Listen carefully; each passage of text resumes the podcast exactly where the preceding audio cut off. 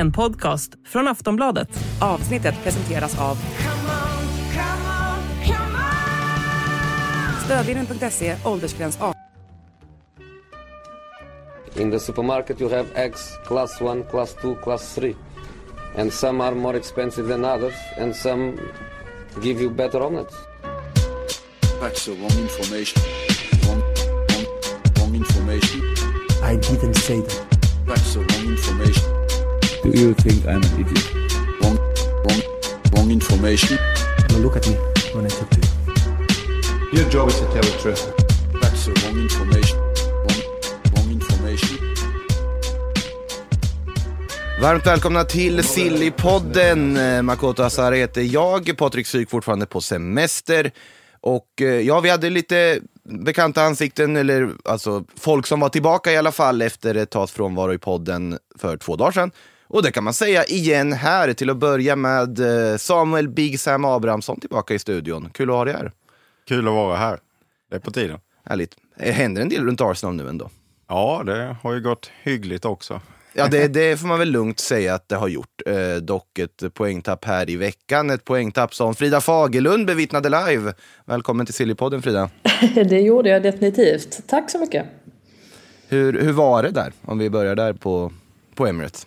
Jag, ja, Arsenal kunde ju ha vunnit den där matchen men oavsett så njöt jag ganska mycket av intensiteten och att eh, ja, men det var helt galet. Det var inte bara mellan spelarna utan Arteta var ju på sitt absolut galnaste humör. Och Jason Tindall där, eh, Newcastles assisterande tränare, han gjorde ju inte saken bättre. Så att, nej, ja, jag tyckte att det var ganska, ganska underhållande i alla fall, trots mållöst. Ja, och eh, ni som undrar om jag låter lite eh, seg i rösten, då är det för att jag gjorde slut på det mesta av rösten igår när vi sände Copa del Rey som är igång. Eh, Barcelona som eh, med nöd och näppe gick vidare mot tredje divisionslaget Intercity med 4-3. Så då skrek man en del när eh, Oriol Soldevia gör hattrick mot självaste Barcelona, bara en sån sak. För er som undrar. Eh, vi ska till en annan del av London än den röda först tänkte jag för att det mesta har ju handlat på sista tiden om Enzo Fernandes. Från att det kom uppgifter på att man faktiskt var överens med Benfica om en övergång värd 1,4 miljarder kronor så har nu de här uppgifterna dementerats. Så nu har ju alltihopa på något sätt vänt. Nu sägs det ju snarare som att affären faktiskt har kollapsat. Frida, vad är det senaste du har hört borta i England då, kring Enzo Fernandes och Chelsea? Ja, nej men det som jag reagerade på var väl först och främst att Chelsea inte alls ska ha varit villiga att lägga så pass mycket pengar som den här mm. klausulen har legat på. Vad var det? 100 miljoner pund. Och det tycker jag väl är ett sundhetstecken för att man har ju... Ja, man, man höjde på ögonbrynet. De har ju spenderat ganska mycket pengar på spelare som man tänker kanske inte är värda precis så mycket pengar. Men att de väljer då att, att inte göra det i det här fallet är ju ändå bra någonstans. Även om det ser väl ut nu som att de inte kommer få Enzo Fernandes. Men jag vidhåller ändå vid att ja, den centrala mittfältare är ett måste på sikt, absolut. Men högerbacken, in med en högerback nu för tusan. Eh, det borde vara prio ett i alla fall enligt mig. Och då sitter man ju i nya förhandlingar där med Inter om att försöka plocka Dumfries möjligtvis då, eller Juranovic och de andra namnen som vi nämnt. Men... Dumfries på bänken är fint igår med. Inte för att det betyder så mycket kanske, men... En ja, de vann ju utan Dumfries. Ja, en liten indikation kanske. Vi pratade om det för två dagar sedan när det finns ju uppgifter om att eh, Inter funderar på att försöka ha med Dumfries i en deal för att få Lukaku permanent. Mm. Varför inte? Ja, Chelsea borde ju bara säga ja, ja, snabbt. vi löser det här. Så går vi vidare. ja, precis. Man behöver inte prata och Inter kan fundera vad de, vad de håller på med. Om de vill skicka Dumfries för att ta. Ja, jag tycker det är helt sanslöst om de gör det. Men det är en annan sak.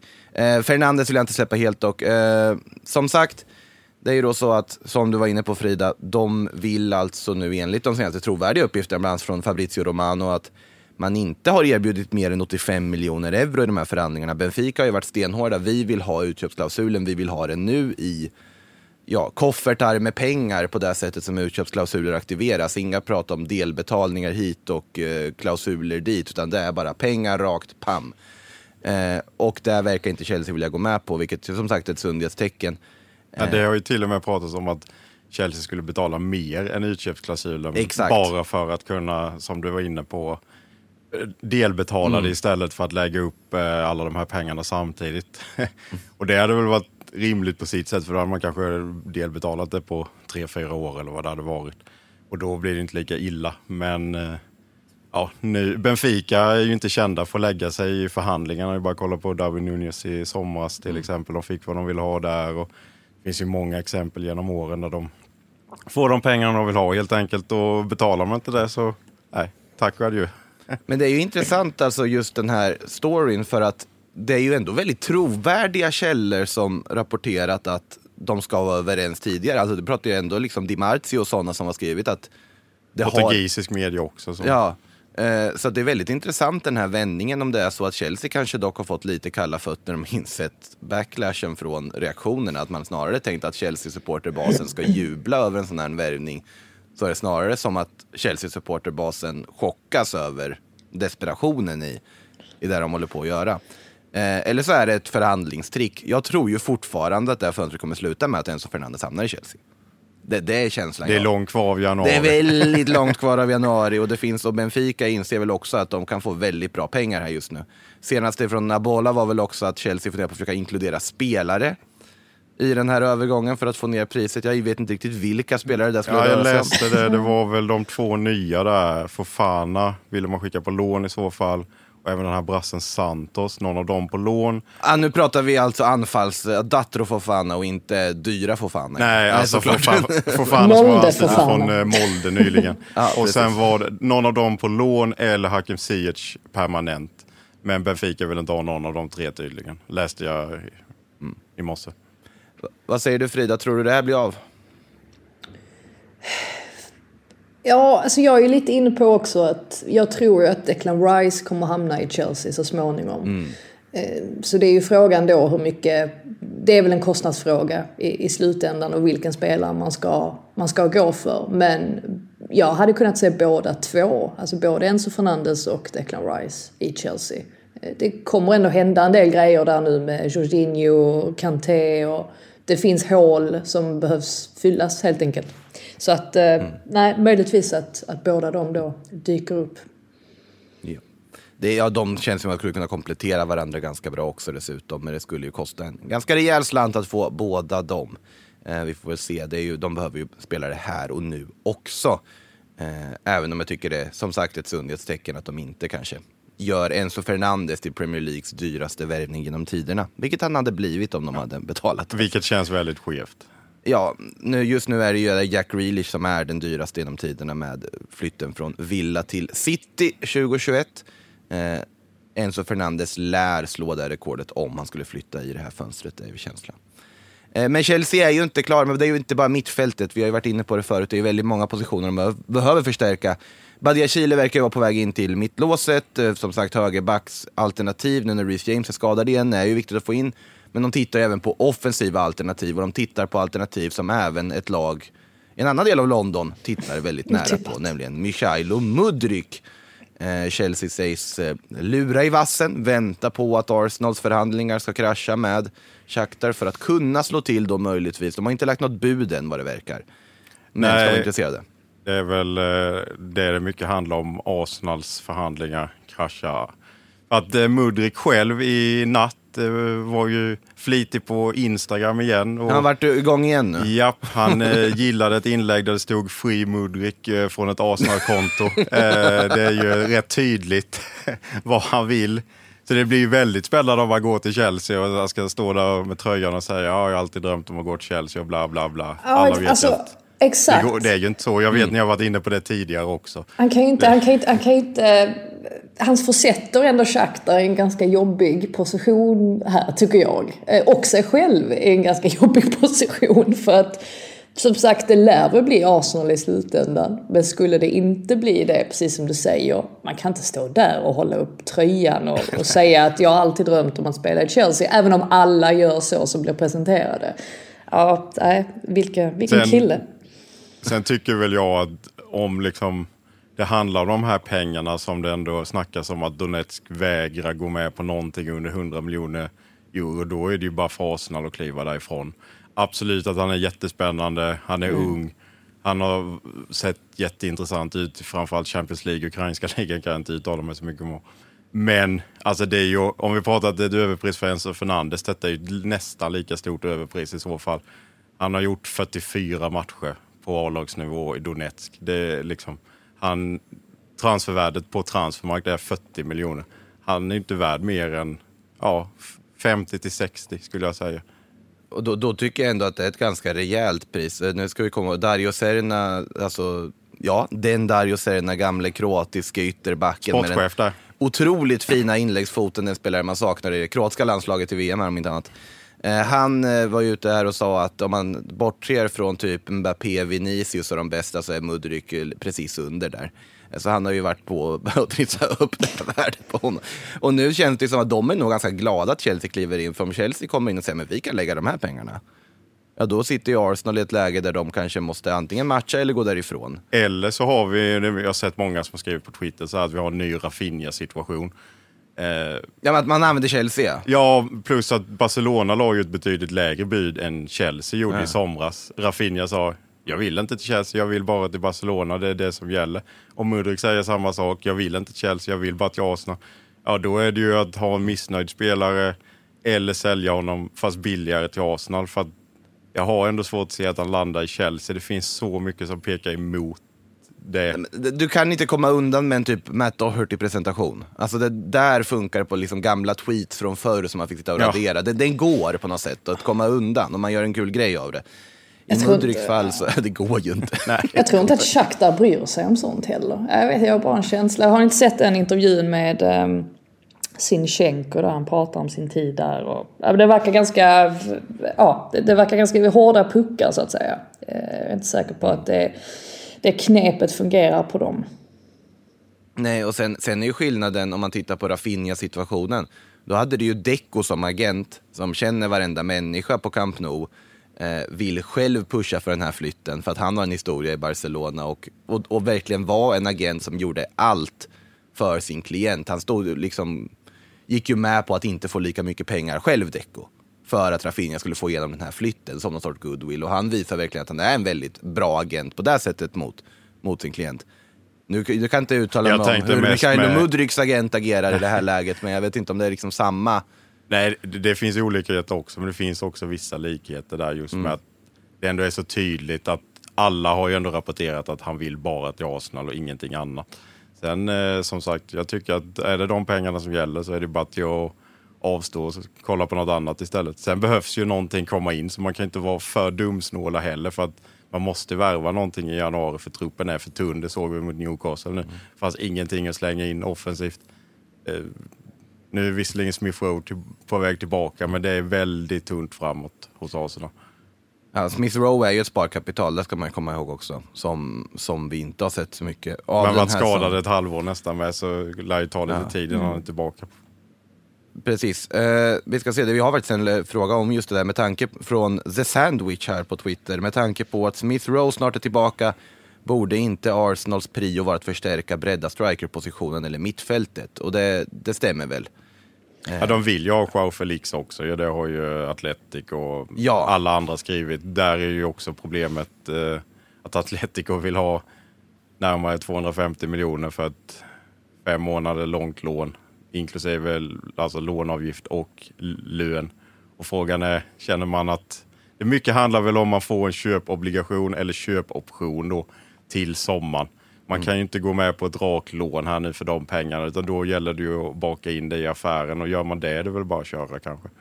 Ja, alltså man känner ju också lite grann att de sitter i en väldigt, väldigt fin sits här i tabellen. Så att på ett sätt så borde de ju bara köra, även om det är vanskligt såklart och man vill inte, ja, man vill inte förlora en massa pengar på så vis. Men sen samtidigt så, det är en gyllene chans nu här att försöka dra ifrån. Och det är precis som du säger Samuel, just i mötet med Newcastle, hade man haft någon spelare att slänga in där mot slutet så hade man kanske lyckats plocka alla de tre poängen. Så det kan ju göra, det kan ju göra all skillnad. Eller Thomas Partey alltså, eller Granit Xhaka, skadar, skadar de sig så finns ju inte jättemycket alternativ. Även- om El Nenni har eh, hängt med väldigt länge nu. Han är väl, eh, är väl den äldsta spelaren, eller äldsta spelaren i truppen, men den spelaren som har varit längst i, i truppen nu. Om man då räknar bort den här låneperioden och så. Men eh, utöver det så finns det ju inte sådär eh, jättemycket djup i, i truppen. Det är ju helt klart. Så att det kanske bara är att köra ändå. Det är bara att höra av sig till Thielemans. Alltså jag förstår inte varför, varför vi inte har det ryktet den här vintern Men det är också. många klubbar som borde höra av sig till honom. Ja, ja, men Tycker alltså, jag. Ja, ja, faktiskt. Alltså, I alla fall om han kan tänka sig att ha en rotationsroll snarare än en gjuten startelveroll. Med tanke på hur dåliga Leicester är så borde han ju ändå tänka sig det. Eller? Ja, eller alltså med tanke på kontraktsläget också. Men han, han känner väl också att om han väntar ett halvår kan han välja att vraka på ett annat sätt. Och det är väl det som kanske talar för att det inte blir, blir någonting här. Vi får väl se vad som händer. Eh, nämnde Joao Felix här lite i förbifarten. En annan klubb som vill ha honom är ju Manchester United. För de vill ha en forward. Eh, för två dagar sedan pratade vi om Randall Kolomoani. Eh, det verkar inte bli något där. Verkar som att Eintracht Frankfurt sitter hårt, håller hårt i honom och säger att nej, ingenting här nu i vinter. Däremot i sommaren och då vill de ha mycket, mycket pengar för honom. Av förklarliga skäl. Men United tittar på lite billigare alternativ. Förutom bland annat om Olivier Giroud dök upp på tapeten här nyligen. Bland annat har man funderat på att försöka låna in från Milan. Det är svårt att säga att Milan skulle vilja släppa honom på ett lån. Nej, Med tanke på att fransmannen har ett utgående kontrakt också och vet inte vad Milan egentligen skulle tjäna på det att hyra ut Giroud här under. Alla rapporter har väl varit innan med att han ska skriva på ett nytt kontrakt för Det lär han nog göra två också. år. Eller vad det är. Plus att ingen vet ju riktigt när Zlatan är tillbaka och i vilken form Zlatan är. Så att de behöver ju Giroud om de ska pusha varit- för titeln. Hade varit perfekt för United dock. Verkligen. Men, och det, och det är ju så, det är ju sån typisk Man United-värvning. Får vi inte se det här, ja vi får se det här varannat år känns det som att de plockar in en, en äldre lite, jag ska absolut inte säga avdankad, men ni förstår vad jag menar, en spelare som är på Ja, väg precis, neråt precis. istället för uppåt. Eh, Så att på så vis så hade det ju verkligen gått hand i hand med hur det brukar se ut i, i Man United. Jag gillar Giroud. Ehm, Ja, tre Premier League-klubbar i, i karriären, det vore ju inte, vore ju inte så dåligt. Den tickar av liksom Big Six-klubbarna på samma sätt som många, många, i, många i Serie A, Serie A tickar av de olika topplagen. För där hoppar man ju runt lite mer kanske än man ju brukar göra mellan Big Six-klubbar. Vilka har vi? Raheem Sterling har ju tickat av tre. Precis. Är det någon som har gjort fler? Om man tittar på de absolut största. Det måste det ju vara. Fler än Ja, det tre. är klart det är, men ni står still. Fler, fler än tre av Big Six-klubbarna under sin karriär.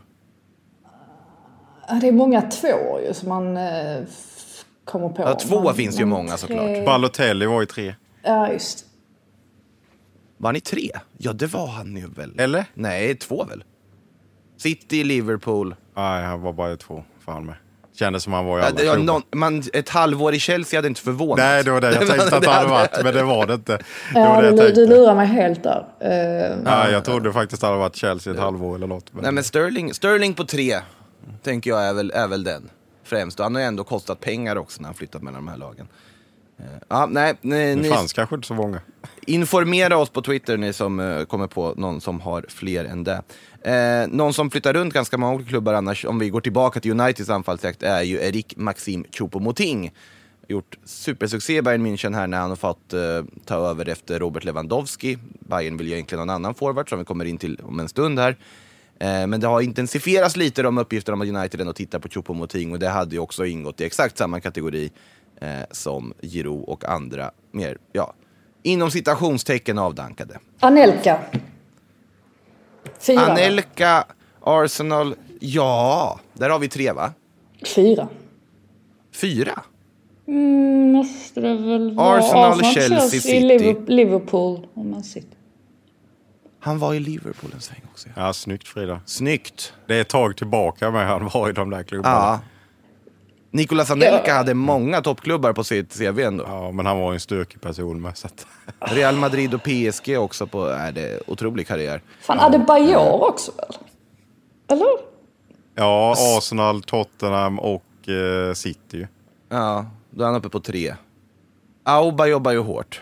Jag bara, det kändes Men nej. pinsamt om det var om det nu är så att folk kommer att höra av sig. Bara, kan ni ingenting, era dumma Eh, Men det är inte lätt att bara ta dem på Vi tar dem ju på uppstuds här. Så att nu, det, nu det släpper, folk. jag släpper detta nu och går vidare. Ja men Anelka var otrolig shout. Det måste, Jag är imponerad. Adebayor stämmer ju också. Så att, Någon som i alla fall inte... Ja, det ko- kommer här från vår, eh, vet man ska kalla producent eller, eller vad heter det, vad man ska säga, Kristoffer Bodin som klipper eh, klippen till TikTok här som kommer bara, jag tänkte säga Adebayor kommer det här meddelande. eh, fint att han lyssnar. Eh, med det sagt, eh, någon som inte ingår i den här listan är i alla fall Harry Kane. Eh, han har ju varit Tottenham väldigt trogen, måste vara att det finns ju de där bilderna på en annan Arsenal-tröja där han var liten och allt möjligt, men det, det räknar vi kanske inte in i det här. och ville flytta till City för något år sedan eller två. Ja, det, det, vil, ja, men viljan kan vi inte ha med. Då kan vi ha många som vill vara i väldigt många klubbar. Eh, frågan är hur mycket han vill till Tyskland och dra på sig ett par Lederhosen i Bayern München. Eh, för att Bayern München vill inte riktigt släppa Harry Kane. Och det här är en fråga som eh, vår kollega och vän Kevin Bader skickade med till oss till det här avsnittet om hur vi ser på Harry Kane och Bayern München. Sen dess har det kommit uppgifter om att Bayern kanske ändå börjar fundera om Harry Kane verkligen vill flytta till Bundesliga. Väl när liksom möjligheten uppstår, om det skulle vara ett attraktivt alternativ för honom. Eh, jag, vet inte, jag antar att det inte skrivs särskilt mycket om det här i England, Frida, om att Bayern München skulle kunna vara ett alternativ för den engelska landslagskaptenen, eller? Eh, nej, usch nu måste jag släppa den. Uh, sitter bara och tänker på... eh, Är du kvar där? Ah, förlåt, förlåt, jag ska gå vidare. Eh, nej, faktiskt, jag, jag blir förvånad av att du tar upp det ens. För att det är ganska mycket en icke-fråga här borta. Eh, speciellt nu efter att eh, ja, Tottenham är på banan igen efter sin 4-0-seger mot Crystal Palace. Och det börjar se lite, lite bättre ut och Harry Kane var väldigt bra i den matchen med två mål.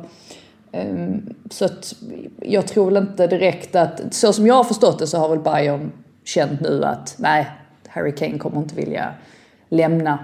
Och eh, det tror väl inte jag heller, även om det är svårt att se vad som kommer hända i sommar. Eh, kommer Conte vara kvar? Det är ju inte heller helt säkert, så det kan säkert hända grejer i Tottenham. Ehm, så att det möjligtvis då att kanske händer någonting i sommar, men jag tror inte att det händer någonting nu i alla fall. Det har jag väldigt svårt att se. Nej, inte nu i vinterfönstret givetvis, utan snarare då till antingen sommaren eller till och med till nästa sommar.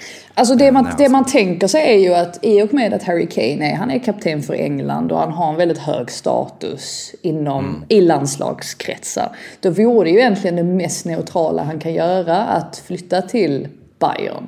Men å andra sidan så hamnar han ju utanför radarn då på ett sätt som kanske inte heller gynnar honom.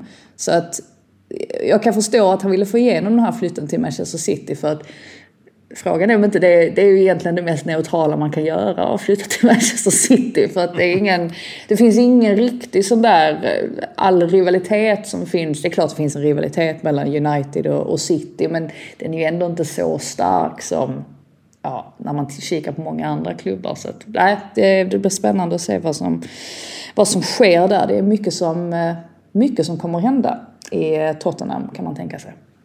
Jag kom på en spelare till Frida. Jag Ja, men bara, du, jag, jag bara fick eh, Kolo Touré, Ah, såklart. Arsenal, Liverpool City. Jag bara kom på det från ingenstans. Jag var tvungen att nämna den. Så. Nej, Jag kan inte, jag kan inte, sånt här kan inte jag släppa. Det är hemskt. Ja, jag hade med svårt att släppa den. Otrolig food for thought Plus som att man jag, fram. ja, men det, det värsta är också att jag kan inte sitta och googla heller när jag sitter och spelar in mitt ljud. Vilket gör att man är ännu mer handfall. Man måste använda huvudet på ett sätt som man aldrig gör. Åh nej, jag måste använda huvudet. Ja, det är jättehemskt. Illa. eh, nej, vi ska, vi ska vidare. Alltså, som sagt, jag tror väl inte heller att Harry Kane Bayern München kanske blir av. Det känns som någon sorts dröm som Bayern München sitter på. Men de har ju gjort saker man inte väntar sig förut och det hade funnits en logik just i det här att det skulle inte stöta någon om man skulle göra den flytten. Säg att Tottenham missar Champions League-plats. Kane vill ändå spela Champions League och nå nästa och vinna titlar och så vidare. Då är ju Bayern München en ganska bra anhalt för att inte alltså, ja, ställa till det med något sätt, inte riva några, rasera några broar åt något håll egentligen. Jag tror ju personligen att Bayern kommer ta någon betydligt yngre. Kanske någon 25 år. Ja. Och inte, det har väl gått fungerat ganska bra med Choupo-Moting nu också. Jag tänker att... Ja, precis. Att man kanske hellre då vill ha in någon lite yngre. Ja. Ja, mer på liksom som både bra här och nu men också håller kanske betydligt fler Alltså, Kolo, framåt. Kolomoani pratas det ju om där också. Ja. Eh, Marcus Thuram, ryktet vill ju inte ta slut heller i det här sammanhanget och det hade ju varit en väldigt liksom, ekonomiskt logisk lösning. Eh, och nu kommer de ju plocka in lite äldre spelare också i det här januarifönstret. Och vi kommer ju då in på det som verkar bli, som kom lite från ingenstans här faktiskt. Att man ska ha gjort klart med Daily Blint. 32-årige nederländske vänsterbacken på ett halvårsavtal och det här halvårsavtalet ska innehålla en ganska liten lön i sammanhanget och vara väldigt prestationsbaserat. Eh, och Blind ska ju ha hoppat på det här tåget direkt när Bayern München hörde av sig, det kan jag förstå. Jag kan ju bara säga, jag tycker det här är en helt klockren lösning för alla parter. Ja, det är jättebra. Ah. Eh, kan ju spela mittback, vänsterback, mittfältare. Han kan ju spela vad fan som helst egentligen. Så det, det är väl målvakter kanske inte. Nej, och vi kommer till det också. Vi kommer till målvakten. Men ja. det är ju jättebra. De betalar ingen övergångssumma för han har ju brutit kontraktet själv med Ajax och så vidare. Och som Mm. du säger, det finns ju ingen risk heller med det här. Skulle han liksom gå sönder eller vad den nu skulle kunna bli så som du sa, Mm. prestationsbaserad. Det finns ju ingen risk. Det är bara att bredda truppen och de har ju haft Lucas Hernandez är väl borta resten av säsongen Mm. till exempel. Så det är väl eh, perfekt för Bayern München. Smart värvning. Det är intressant det där vad det egentligen som är som har hänt i Ajax. Det är väl såklart att han inte har fått spela så mycket som han har velat och Schroeder tycker väl att det finns andra lite yngre spelare som är mer attraktiva att använda. Men han är ju inte på något sätt slut. Alltså han är ju 32 år, han gjorde det bra i VM. På så vis så är det ju en jättesmart värvning av, av Bayern. Ja, och, och som sagt, på ett halvårsavtal för att bredda, på alla positioner egentligen. Det är en spelare som vet vad det handlar om, en ledargestalt som med den fasta, fo, foten på fasta situationer dessutom som de kan kasta in i slutet av matcher ifall de behöver hitta ett annat sätt att försöka göra. Ja, jag tycker den är kanonbra. Och för Daley Blint också kul att komma till en klubb som, som tävlar om de största titlarna på det ja, Det gör ju Ajax på hemmaplan också givetvis, men ja, det är... En annan chans i Champions League. såklart. Ja, så, så är det ju såklart. Hey, I'm Ryan Reynolds. Recently, I asked Mint Mobile's legal team if big wireless companies are allowed to raise prices due to inflation. They said yes. And then when I asked if raising prices technically violates those onerous two year contracts, they said, What the f are you talking about, you insane Hollywood ass? So to recap, we're cutting the price of Mint Unlimited from $30 a month to just $15 a month. Give it a try at mintmobile.com slash switch. $45 upfront for three months plus taxes and fees. Promo rate for new customers for limited time. Unlimited more than 40 gigabytes per month. Slows. Full terms at mintmobile.com. Eh, men Bayern München ska ju också då vara i princip överens om de personliga detaljerna med Jan Sommer, sägs det också. Eh, som ersättare då till Manuel Neuer. Skidåkaren. Skidåkaren Manuel Neuer, eller inte särskilt bra skidåkaren Manuel Neuer bevisligen på hur effekten av hans eh, lilla alpäventyr. Men eh, nej, Jan Sommer in som också på kort sikt, det är också en helt, ja, de kunde inte fått en mycket bättre målvakt. Nej, det är väl perfekt där också. Det, han, jag vet inte vad det pratats om för kontraktstid där nu för att när Norge är tillbaka så kommer han spela såklart. Men ja, då är det väl kul för Sommer att få komma dit, få vinna Bundesliga, kanske vinna Champions League och så vidare ett halvår. Och sen vara kanske med någon säsong till. Ja, det, det är ju en otroligt bra målvakt, jag tycker det är ju kanonbra för Bayern. Billigt också. Perfekt. Ja, med kontraktet som är på utgående dessutom. Eh, Manchester United har ju kopplats samman med Jan Sommer tidigare också. De verkar nu gå för en kortsiktig lösning i alla fall på andra positionen på, i mål. Eh, Martin Dubravka, något plötsligt och överraskande, gick ju tillbaka till Newcastle som bröt det där lånet till United eh, här tidigt i fönstret. Och nu verkar man ha gjort klart med en ersättare. Jack Butland till United. Eh, Den gamla talangen. Det var, det var inte igår man hörde det namnet. Han har ju inte riktigt eh, kanske rosat marknaden i Crystal Palace där Guaita varit första valet. Eh, men vi, det här känns väl också väldigt typiskt United att plocka just en sån här gammal målvaktsprofil man minns ändå. Jo, eh, så vet vi inte riktigt, precis som ni är inne på där, vi vet inte riktigt hur bra Jack Butland är längre. Eh, Det, var ett tag sedan han var första val, det måste ha varit i Stoke. 2018. Där var han ju väldigt upphaussad med. Ja, och han har ju bara, jag tror han, han kan inte ha gjort fler än 10 matcher för Palace eller någonting sånt. Och det är ju såklart för att de har haft väldigt tuff konkurrens på just målvaktspositionen. Men eh, Är han bara 29? ja, det är han. Oj, jag trodde han var typ Många 35. år kvar ju som Ja. målvakt. Sen kan man ju, ja men i Newcastles fall, det var lite överraskande. Men å andra sidan så Dubravka, han såg inte jättebra ut när han fick, han fick göra två matcher för Man United och tyckte väl inte att han övertygade sådär värst. Eh, och det känns väl logiskt nu i och med att eh, Karius deal gick ju ut här på nyår, om jag inte tar helt fel. Så då känns det väl rätt logiskt på ett sätt att, att plocka tillbaka honom. Även om det var förvånande eftersom att Man United hade en köpoption i, i det eh, kontraktet också. Men ja, de behöver väl ha in någon, litar kanske inte helt och hållet på Tom Heaton, även om han också är fullgod, en fullgod målvakt. Men man behöver väl i alla fall tre stycken så att då är väl Jack Butland också ett ganska bra, eller rätt så logiskt alternativ på något vis. Han var ju ändå i, i VM-truppen för fyra år sedan här också, Butland. Och, jag trodde som sagt att han var äldre än vad han är, men det, det, han, är, han slog igenom tidigt, helt enkelt. Eh, Butland på väg alltså till Manchester United. Eh, nu vill jag prata lite eh, PSG dokusåpa här, eh, känner jag. För att eh, det har ju kommit lite nya uppgifter kring Neymar. Och vi drar väl igång detta igen då som vi höll på med under hela sommaren, nämligen faktumet att PSG är öppna och villiga att sälja Neymar till, ja även nu till nästa sommar då. Trots att han har ett kontrakt till 2026, trots att Neymar trivs ganska bra med tillvaron i Paris, så finns det uppgifter på att eh, man då vill satsa på Kylian Mbappé och Lionel Messi. Messi som, ja han kommer ju förlänga med PSG, det känns som det är bara en tidsfråga innan det är bekräftat också att han stannar i Paris Saint-Germain. Men att man vill satsa på de två byggare runt om och därmed frigöra löneutrymme och så vidare och casha in på Neymar när man kan. Han är ju, fyller ju 31 här nu i år. Och ja, då kommer ju min automatiska fråga, vart kan, kan ni tänka er någon klubb som faktiskt skulle kunna lägga en miljard på Neymar i sommar? Spontant nej. nej. Eh, nej. Ja, Som han också man, vill man, får väl till säga, man får väl säga Chelsea eller? Kasta in Ja, dem. det, det är ju det. tänkte jag också på, jag känner egentligen att de inte borde göra det. Nej, nej precis, det är väl det man känner kan göra också. allt just nu. Så. Exakt, exakt. Det är det. Där, där på så vis så känner man att det mycket väl kan hända. Eh, Men eh, ja, tycker väl inte heller kanske att man ska gå för det. Alltså med tanke på, liksom, han är ju ändå 31 nu. Han ändå, Eller han fyller 31. Ja, men ändå varit skadebenägen i rätt många år och sådär. Alltså lönen också. Alltså, du snackar om en, en stor miljard investering. transfersumma. Och lägg, ja jag vet inte vad han kan ha i lön liksom. Hög lön. Ja, men den, den känns ju extrem liksom. Det, Ja. det är som du säger Frida, det blir ju liksom en investering på kanske 3 miljarder totalt eller någonting. Med löner och bonusar och allting. Alltså om man slår ut det på ett treårskontrakt till exempel eller något. Ja, sen vet inte Det är jag en alltså rent... jätteinvestering. Ja, sen vet inte jag rent varumärkesmässigt. En sån värvning måste ju vara jättevärdefull på så Mm. sätt.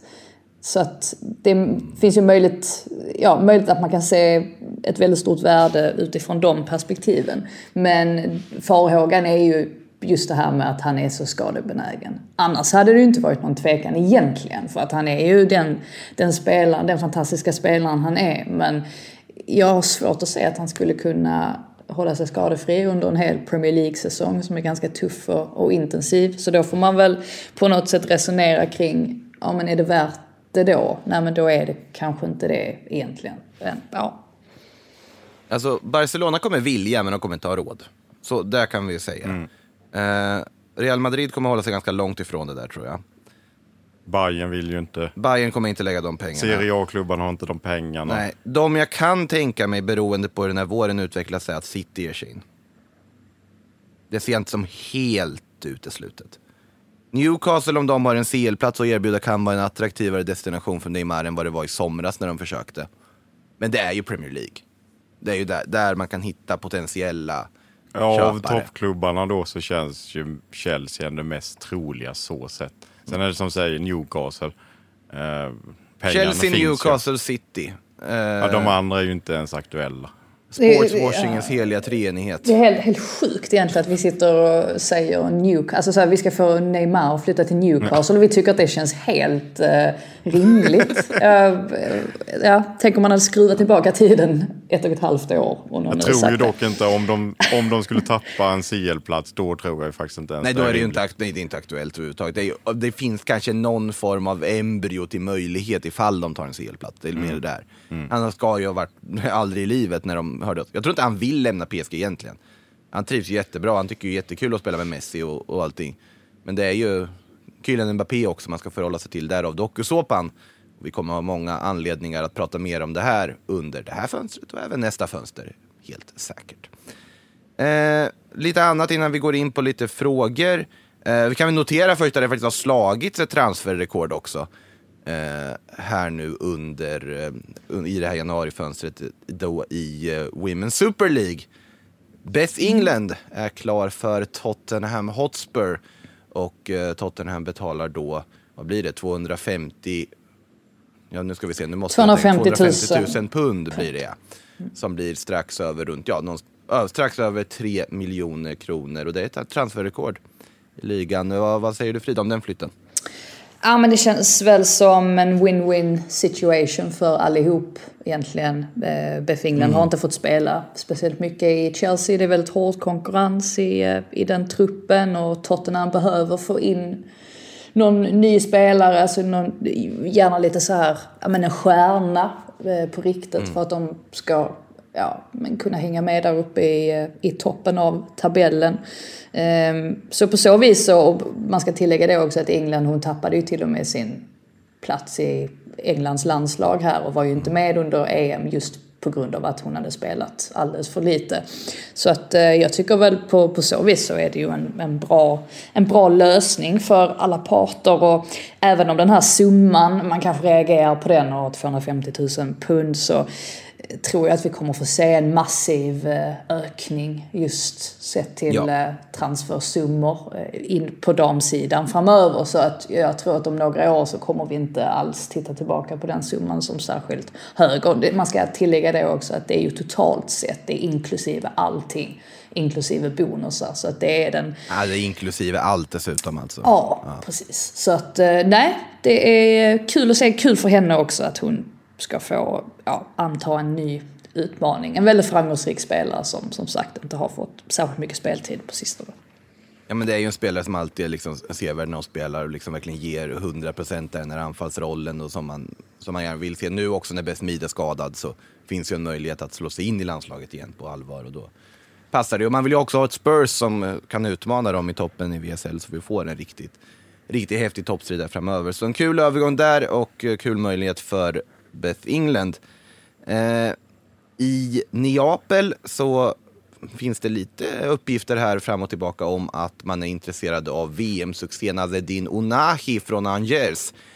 Eh, dock så ska ju Napoli själva säga men vi är jättenöjda med vår trupp och så vidare men visst verkar det ändå finnas någon form av intresse och bud och även Leicester ska vara intresserade av den här väldigt skickliga innermittfältaren som i alla fall skärmade mig här under eh, världsmästerskapet. Ja, skulle väl bli rätt billig om jag förstod det rätt va? Ja, Det var ju bara så här 20 miljoner euro eller något sånt där. Ja, det känns ju ändå rätt billigt med Ja, men tanke alltså, på det hur säger- bra han var. Ja, Angers sägs ju ha krävt 45 tidigare och så vidare, men det kanske var när Premier League-klubbarna hörde av sig. Det Men var så väl, har du väl något rykte vi såg igår att han skulle lånas ut. Till Kanske Leicester. till Leicester under våren, men Napoli köper honom nu. Det var ändå lite udda lösning. Ja, men det var Leicester, både Leicester och Tottenham tycker jag det har pratats jättemycket om kring honom. Ja, Tottenham också ja. Eh, Det är ju precis en sån speltyp Tottenham skulle behöva tycker jag. Det är en Sen sån man- speltyp de behöver. Eh, sen är frågan, och jag tyckte jättemycket om honom, eh, särskilt under VM och det är kul och han hela tiden, han är ju en sån som vill hålla i bollen och han vill dribbla och de har ju inte riktigt den, den spelartypen, eller å andra Bissouma är inte riktigt den spelartypen.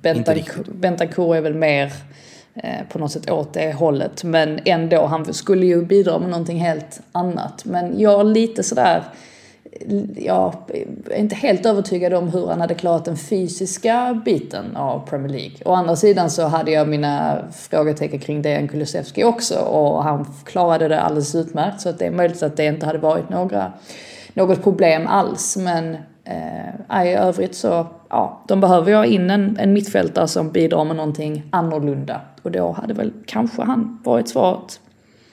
Och hans lag ligger väl skrynkligt till i franska ligan så han känner väl att han vill säkert bort. Ja, men han vill ju också smida medan eh, alltså järnet är varmt Ja. på att vi, vi ska komma ihåg att det var inte mycket vi pratade om honom innan det här VMet. Och det är en väldigt lite. Exakt, det, det är det man känner att man, Det är ju det. man drar sig lite ändå för att höja honom till skyarna på något sätt. Ja.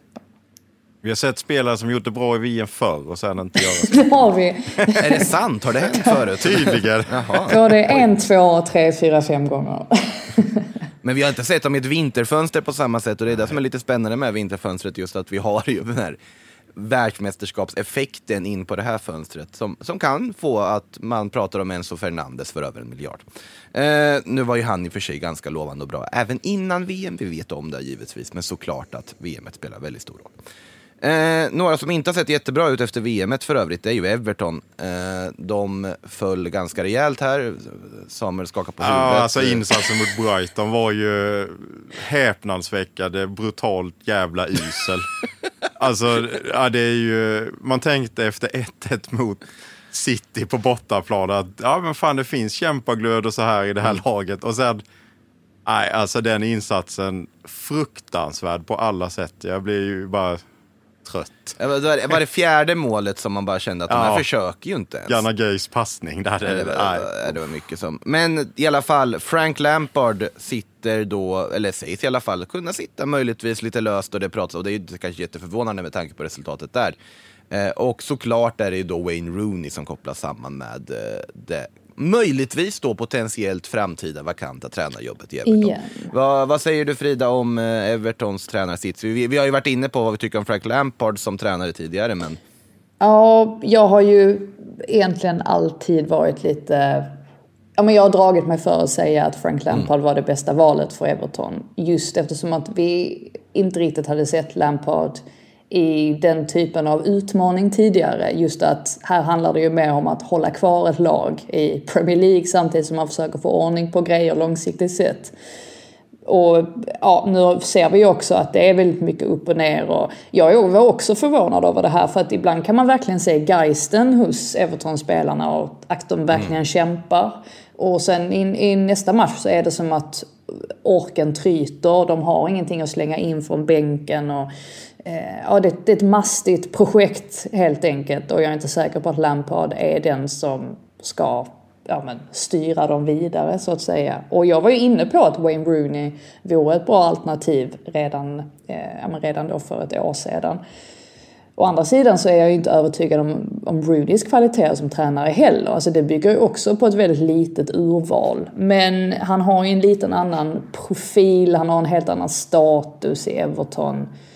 Eh, ja, jag vill ha in Sean Dyche. Ja, in med Sean. Ja men ja, det är ju kanske, är det Englands mest underskattade tränare egentligen? Alltså han är bara känd för att vara 4-4-2 och jag fattar det. Men å andra sidan så, han kan ändå leverera resultat på något sätt. Och han är, det är en bra tränare. Ehm, att, Jag vill ju ja. dock ha tillbaka min namn Big Sam till någon PL-klubb. Nej, vi kan, vi kan inte. Vi, ska vi verkligen... Ska vi köra honom Nej, en, en runda till? till, tycker jag. Jag har till och, med jag hört alltså. att, till och med hört att Neil Warnock är på väg ur eh, pension nu för att eh, Swansea behöver en tränare eller vad det var. Han twittrar väl mest annars Ja, men, de, Sky Sports hade ju en Q&A med Neil Warnock där man även kunde fråga om relationship advice till honom. Otroligt. För övrigt. Han är, rätt här, han är härlig dock. Han är härlig att, att Ja, lyssna på. Men det finns ju många, många av den här typen av, av tränare som, som är villiga att hoppa in när det behövs. Och eh, Everton behöver kanske en sån typ av krisdoktor nu också. Så här, här sitter vi alltså en torsdag. Frida säger att Sean Dyche hade varit kul. Big Sam säger givetvis Big Sam hade varit kul. Och då ska väl jag också följa liksom, eh, min stereotyp och säga att ja, men, kan man inte plocka Marcelino som sitter ledig där borta i Spanien eller något annat eh, in på den posten. Få lite kaos och, kaos och sånt i Everton. Det hade varit någonting. Eh, jag hade velat se en mer spelande tränare kanske, men absolut i det här läget så gäller det bara att rädda det där kontraktet. Och där kan Sean Dyche köra. Det råder ingen tvekan. Det kan Ja, precis. Jag, nu, nu tänker inte jag långsiktigt sett. Den Nej. enda, den enda som kommer få en chock är väl Dwight McNeil möjligtvis. Som eh, inser att herregud, Nu är jag fast med honom om igen. händer. Stackars Dwight om det händer. Eh, ja, nej, det hade varit någonting. Eh, vi har faktiskt en Everton-fråga vi ska ta upp sen också, men innan vi går till den så måste jag ändå ta upp eh, Mavropanos, Frida. oj! Eh, ja, men det går ju faktiskt bra för honom borta i Stuttgart och nu vill han ta nästa steg. Och Stuttgart har lite problem med ekonomin, kanske behöver sälja en spelare. Antingen då Mavropanos som de skulle kunna få pengar för, eller Borna Sosa pratas det om. Och i Mavropanos fall ska det vara Atletico Madrid som är intresserade. Det är flera P- PL-klubbar som inte nämns också som är intresserade enligt eh, tyska Sky Sports. Då. Eh, vet inte, har du haft någon koll på vad han hållit på med borta i Bundesliga, Frida? Ja, faktiskt lite. Jag blir alltid, eh, det är ju alltid folk som taggar mig i så här olika inlägg. Om, att jag fortfarande är förknippad med Mavropanos är ju, eh, ja, det är ju lite komiskt. Men ni ser, han är på gång nu. Han är på väg. Wenger. Wenger hade inte fel när han eh, såg eh, potentialen hos Mavropanos. Det dröjde bara lite, lite längre tid än vad vi hade Fem, sex år eller något. Ja, precis. Han är fortfarande ung. han, Ja, han är väl 25 nu han är fortfarande 25 Ja. och har gjort det jättebra i Stuttgart och eh, som sagt kopplas med andra klubbar. Det har varit kul att se honom i Premier League igen. Skulle inte, på tal om Atletico, skulle inte de ha Sun Junsu i Det vill Leicester? de ha. Eller De- har det dött? Nej, det är absolut inte dött. De, vill- de vill ha honom till eh, sommaren men försöker förhandla för att få honom redan i vinter. Jag tror att det hade varit ganska bra för Atletico. Jag tror han hade passat ganska bra där över Syn, så det är min känsla i alla fall. Då. För Leicesters del så, ja, jag vet inte vad de håller på med riktigt så att det, vi kan gå vidare från det. When you're ready to pop the question, the last thing you want to do is second guess the ring. At Bluenile.com, you can design a one of a kind ring with the ease and convenience of shopping online. Choose your diamond and setting. When you find the one, you'll get it delivered right to your door. Go to Bluenile.com and use promo code LISTEN to get $50 off your purchase of $500 or more. That's code LISTEN at Bluenile.com for $50 off your purchase. Bluenile.com code LISTEN. Vi tar lite frågor. Jag utlovade en Everton-fråga och en Everton-fråga har vi. Och den frågan kommer från Erik Engstrand. Hur skulle Elanga passa i Everton, tror vi? Vad säger du Frida? Ja, alltså Elanga spelar ju främst till vänster. Där har vi ju redan Gray som ju är en av ja, få positiva saker Mm. med Everton just nu. Men å andra sidan så kan ju han, Gray kan ju spela lite, han kan ju spela som tia, jag vet att han spelar som till höger. Eh, Elanga kan säkert också spela till höger. Men jag tror det viktigaste för Everton det är på något sätt att få in någon sorts bredd i truppen för de har ingenting på bänken att kasta in. Så att Elanga hade funnits där bara som ett alternativ oavsett hur det hade sett ut på planen. Alltså vilken, vilken formation eller vad Lampard eller vem det nu än blir som tränar dem. Ja men hur han än hade tänkt sig att ställa upp så hade Elanga absolut förstärkt Everton i det här läget utan tvekan. Ja, men han har ju vissa egenskaper som jag tror de skulle ha nytta av också, just den här, alltså offensiven. Och det har varit kul att se om man får mer förtroende och speltid, vad han skulle kunna göra också. Eh, det har ju inte varit, Erik Ten Hag-anställningen har inte varit bra för Elanga. Det kan vi lugnt konstatera i alla fall. Eh, inte jätteförvånande sett till att en klubb som United är väldigt svår att slå sig in på sikt och vara kvar i. Då måste du göra väldigt, väldigt bra saker. Eh, sen var det ju väldigt, det tror jag nyttigt för Elanga att de, United hade den katastrofala säsong de hade förra säsongen. Att han verkligen ändå fick komma in och få förtroende och bygga upp ett, eh, alltså, ja, en renommé som en väldigt spännande ytter. Så att vi får se vad som händer för Anthony Elanga. Eh, Jessin Sirak frågar vad gör X-Stoke-spelaren Jesse nu för tiden? Ja, vi ska inte ens gå in på det.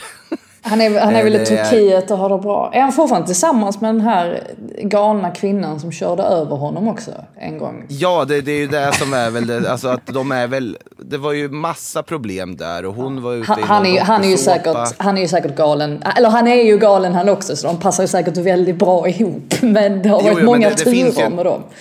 Det finns ju en historia om det här att när de hade problem med sitt förhållande då så hade ju hon varit med i, jag vet inte, någon sån här spansk version av Big Ja. Brother. Och han ringde upp. Och, ja, och han hade ju lagt hur mycket pengar som helst på att ringa för att rösta ut henne ur det här programmet själv. Jo, men det var inte Eh. bara det. Sen ringde han ju upp i en annan dokusåpa och bad om ursäkt. Alltså inför hela landet. Och, nej, och just det. Och sen så tog han henne till rättegång. Eh, För att han skulle, ja men, jag vet inte Exakt. vad det var egentligen. Och sen så kom de ut från rättegången efter att domen hade fallit och höll handen. Och alla började så här, jaha okej, är ni tillsammans nu igen? Ja, det var de tillsammans igen. Så att det där, eh, ja, om man är intresserad av stormiga relationer i fotbollsvärlden så är det där, ja det slår, eh, det slår, eh, det slår allt egentligen. Vad spelar han Han spelar i Ankara Gücü i. Turkiet. 12 matcher, ett mål. Den säsongen. Starka papper. Otroligt starka papper. Han ha- gjorde ändå 13 mål för Las Palmas när han kom tillbaka dit här nu och, och, och lirade, eller kom tillbaka, ja när han var där en sväng här nu senast. Eh, Det är en stökig karriär ändå. Från Real Madrid, där han hyllades som den liksom, framtida superstjärnan, City, PSG, Las Palmas, Stoke, Men de, Betis. men de bröt Ja. hans kontrakt va, PSG? Där fick han inte... Det, var väl Nej, det var ju- det, det blev väl brutet, det kontraktet? Ja, han var ju bara på lån konstant. Las Palmas Stoke, Betis-lånet hade jag helt glömt att han hade haft. Sporting Club-lånet hade jag helt glömt att han hade haft. Och sen hamnade han ju i Las Palmas där. Eh, er som undrar om hans musikkarriär så är ju hans artistnamn JM och det tycker jag faktiskt, alltså han har fått mycket skit för den, men om man tän- tänker just den genren så tycker jag ändå att han faktiskt håller. Jag måste säga det, det, det är en kontroversiell take, men jag tycker att den, det är inte det värsta med Jesse, är inte hans musikkarriär. Han skulle ju inte ha blivit Eh. fotbollsspelare, han skulle ju bara vara ett reality-deltagare. Det, det är ju det, han ska ju göra idag. i livet. Det är ju typ det han är. Ja. Ja. Man hade velat se en podd med honom och Icardi borta i Turkiet.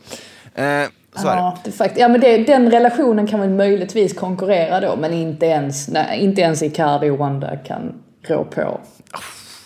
Ja, nej, de, nej den, fast Icardi är på en annan stjärna, ja i alla fall. De, rörigt var ordet.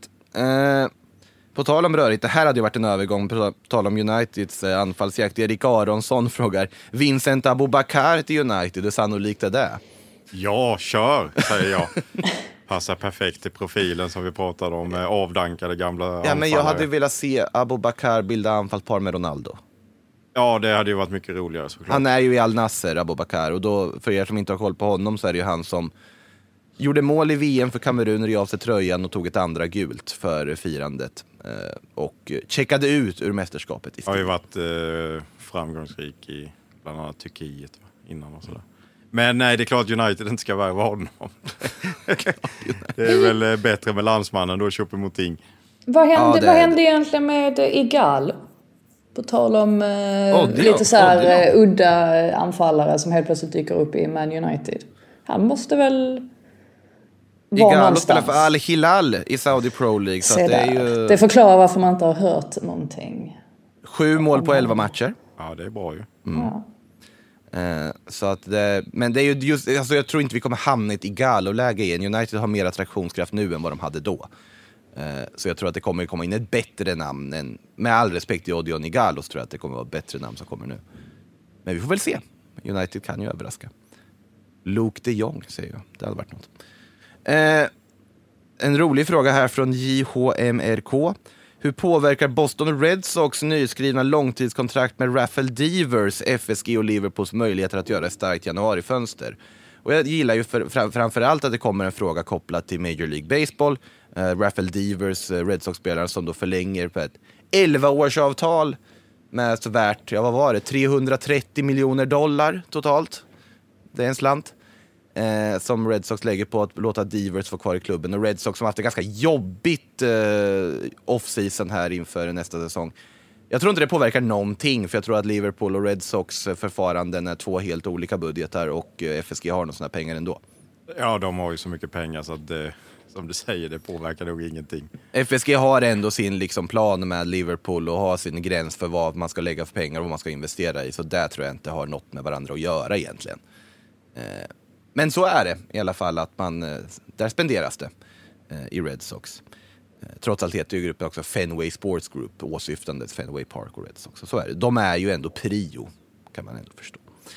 Eh, Mafazichev frågar, borde inte Liverpool, på tal om Liverpool just då, Liverpool visa mer intresse för Kessie och Thielemann? Så det kan jag beskriva under på ändå. Ja, det är ju det där med mittfältaren. Alla vet ju att de vill ha Bellingham. Och då är ju frågan, vad ska man göra nu och vad ska man vänta på och så vidare. Men det är ju tunt där nu. Och som vi var inne på, Thielemans, ja, det är många klubbar som jag tycker borde rycka där. Han borde, kostar ju ingenting nu nästan. Och Kessie, ja, var bäst i Milan förra säsongen. Eh, har ju knappt fått spela i Barcelona. Spelade igår. Ja, okej. Ja. 120 minuter. Ja, men kommer ju inte spela i La Liga nu framöver. Eh, jag har ju svårt att tro. Eh, han är rätt långt ner i rangordningen trots allt där bakom. Det är några hyggliga visserligen i Pedri och Gavi och de här grabbarna. Det kan ju säga så här, eh, 19-åringen Pablo Torres som spelade i första halvlek där, det är ju helt sanslöst att han inte har spelat mer under säsongen. Vilken talang de har Men- hittat där också. Men Frank, Frank Kessie på ett lån för ett halvår för någon klubb hade väl varit perfekt. Ja. Eh, Milan lånar tillbaka honom annars. Ja, Alltså, nej, men jag hade gärna velat se, alltså Det, Liverpool det kanske är mått bra av frostig honom. relation där efter att han lämnade, det vet jag inte. Men eh, alltså, Kessie är en jättebra mittfältare Mm. och skulle göra ett bra jobb i många klubbar. Det skulle han. De håller ju, alltså Liverpool håller väl antagligen koll på väldigt många spelare just nu som, ja, så som klubbar bu- brukar göra. Men jag såg någonting om Mateus Nunes eh, från Wolves då. Vilket ju eh, jag tycker är lite intressant för det är ju en spelare med en väldigt, väldigt hög höjd på något sätt. Men eh, det känns väl troligare att det sker någonting i sommar i så fall. Känns som det blir jättedyrt med tanke på att han kom dit i somras. Ja, alltså då, Wolves kommer säkert värdera honom till runt 50 miljoner pund kanske. Sånt. Och då, då är det en ganska rejäl prisökning från vad som handlade om i somras. Och då blir det ju... Där blir ju på något sätt så här, absolut, jag håller med om att Matteus Nunes skulle passa bra spelstilsmässigt. Jag tycker, men han hade passat bra även nu i somras. Och absolut, det var svårt att förutse att Jude Bellingham skulle fortsätta på den nivån så att alla toppklubbar skulle vilja ha honom. Och jag fattar att man vill göra plats för honom. Men det blir ju i facit i hand om man skulle köpa Nunes från Wolves nu för en högre summa så är det ju inte särskilt smart skött överhuvudtaget. För du har ju i princip då på vägen vaskat en säsong där du har behövt en extra mittfältare som du då valt att inte värva. Um, Ja, absolut. jag kanske inte vill gå så långt som Axel här som skriver att LFC är ett fullständigt haveri och det är bara att avgå hela skiten. Som han skriver. Och han, konstaterar, han slår fast också att Bellingham inte kommer komma in och frågar vem de borde ta in istället. Eh, Ja, det ska vi inte slå fast. att Bellingham inte kommer dit ska vi absolut inte Nej. slå fast än, även om eh, spansk media börjar slå fast att det är Real Madrid som väntar. Men som sagt, det beror ju lite på vilken media man läser, vad man får för bild av vad som för sig går på marknaden. Eh, kan bara snabbt eh, svara på Swedish Magpies fråga om Real Valladolids Ivan Fresneda också, ung 18-åring, väldigt, väldigt lite A-lagserfarenhet. Jättespännande namn absolut, men huruvida han skulle kunna vilken nivå han kan hantera på sikt, det får vi väl se. Det är väldigt många toppklubbar som vill ha honom. Newcastle sägs vara nära att lösa honom som en backup till Kieran Trippier och det är ett väldigt spännande framtidsnamn, absolut. Eh, och Pedro Porro, höger wingbacken som Spurs Jonte frågar om också. Jag tror inte han blir en game changer för Antonio Conte utan snarare bara ytterligare en offensiv högerback som... Men man vet ju inte vilka som slår igenom. Det är alltid svårt att veta med de här wingbacksen som, som de värvar hit och dit. Eh, med det sagt så är det väl kanske läge att eh, stänga butiken för den här torsdagen. Som sagt, nu är ju Sillypodden igång här, nu är fönstret öppet. Vi kommer att köra två gånger i veckan här framöver. Eh, fram tills eh, 31 januari där vi då ska stänga butiken och alla trupper inför våren ska vara helt satta. Med det sagt, stort tack Samuel, stort tack Frida. Alltid lika roligt att prata med er och alltid lika roligt att prata inför er alla lyssnare. Ha det så gott så hörs vi nästa vecka igen. Hej då! And some are more expensive than others, and some give you better omelets. That's the wrong information. Wrong, wrong, wrong information. I didn't say that. That's the wrong information. Do you think I'm an idiot? Wrong, wrong, wrong information. Now look at me when I talk to you. Your job is to tell the truth. That's the wrong information. Wrong, wrong information. I'm not going to have you twisting everything I say. Twist, twist, twisting everything I say. So make that clear. No eggs, no omelets. So make that clear. That's the wrong information. Wrong, wrong, wrong information. I didn't say that. That's the wrong information. Do you think I'm an idiot? Wrong, wrong, wrong information. Now look at me when I talk to you. Your job is to tell the truth.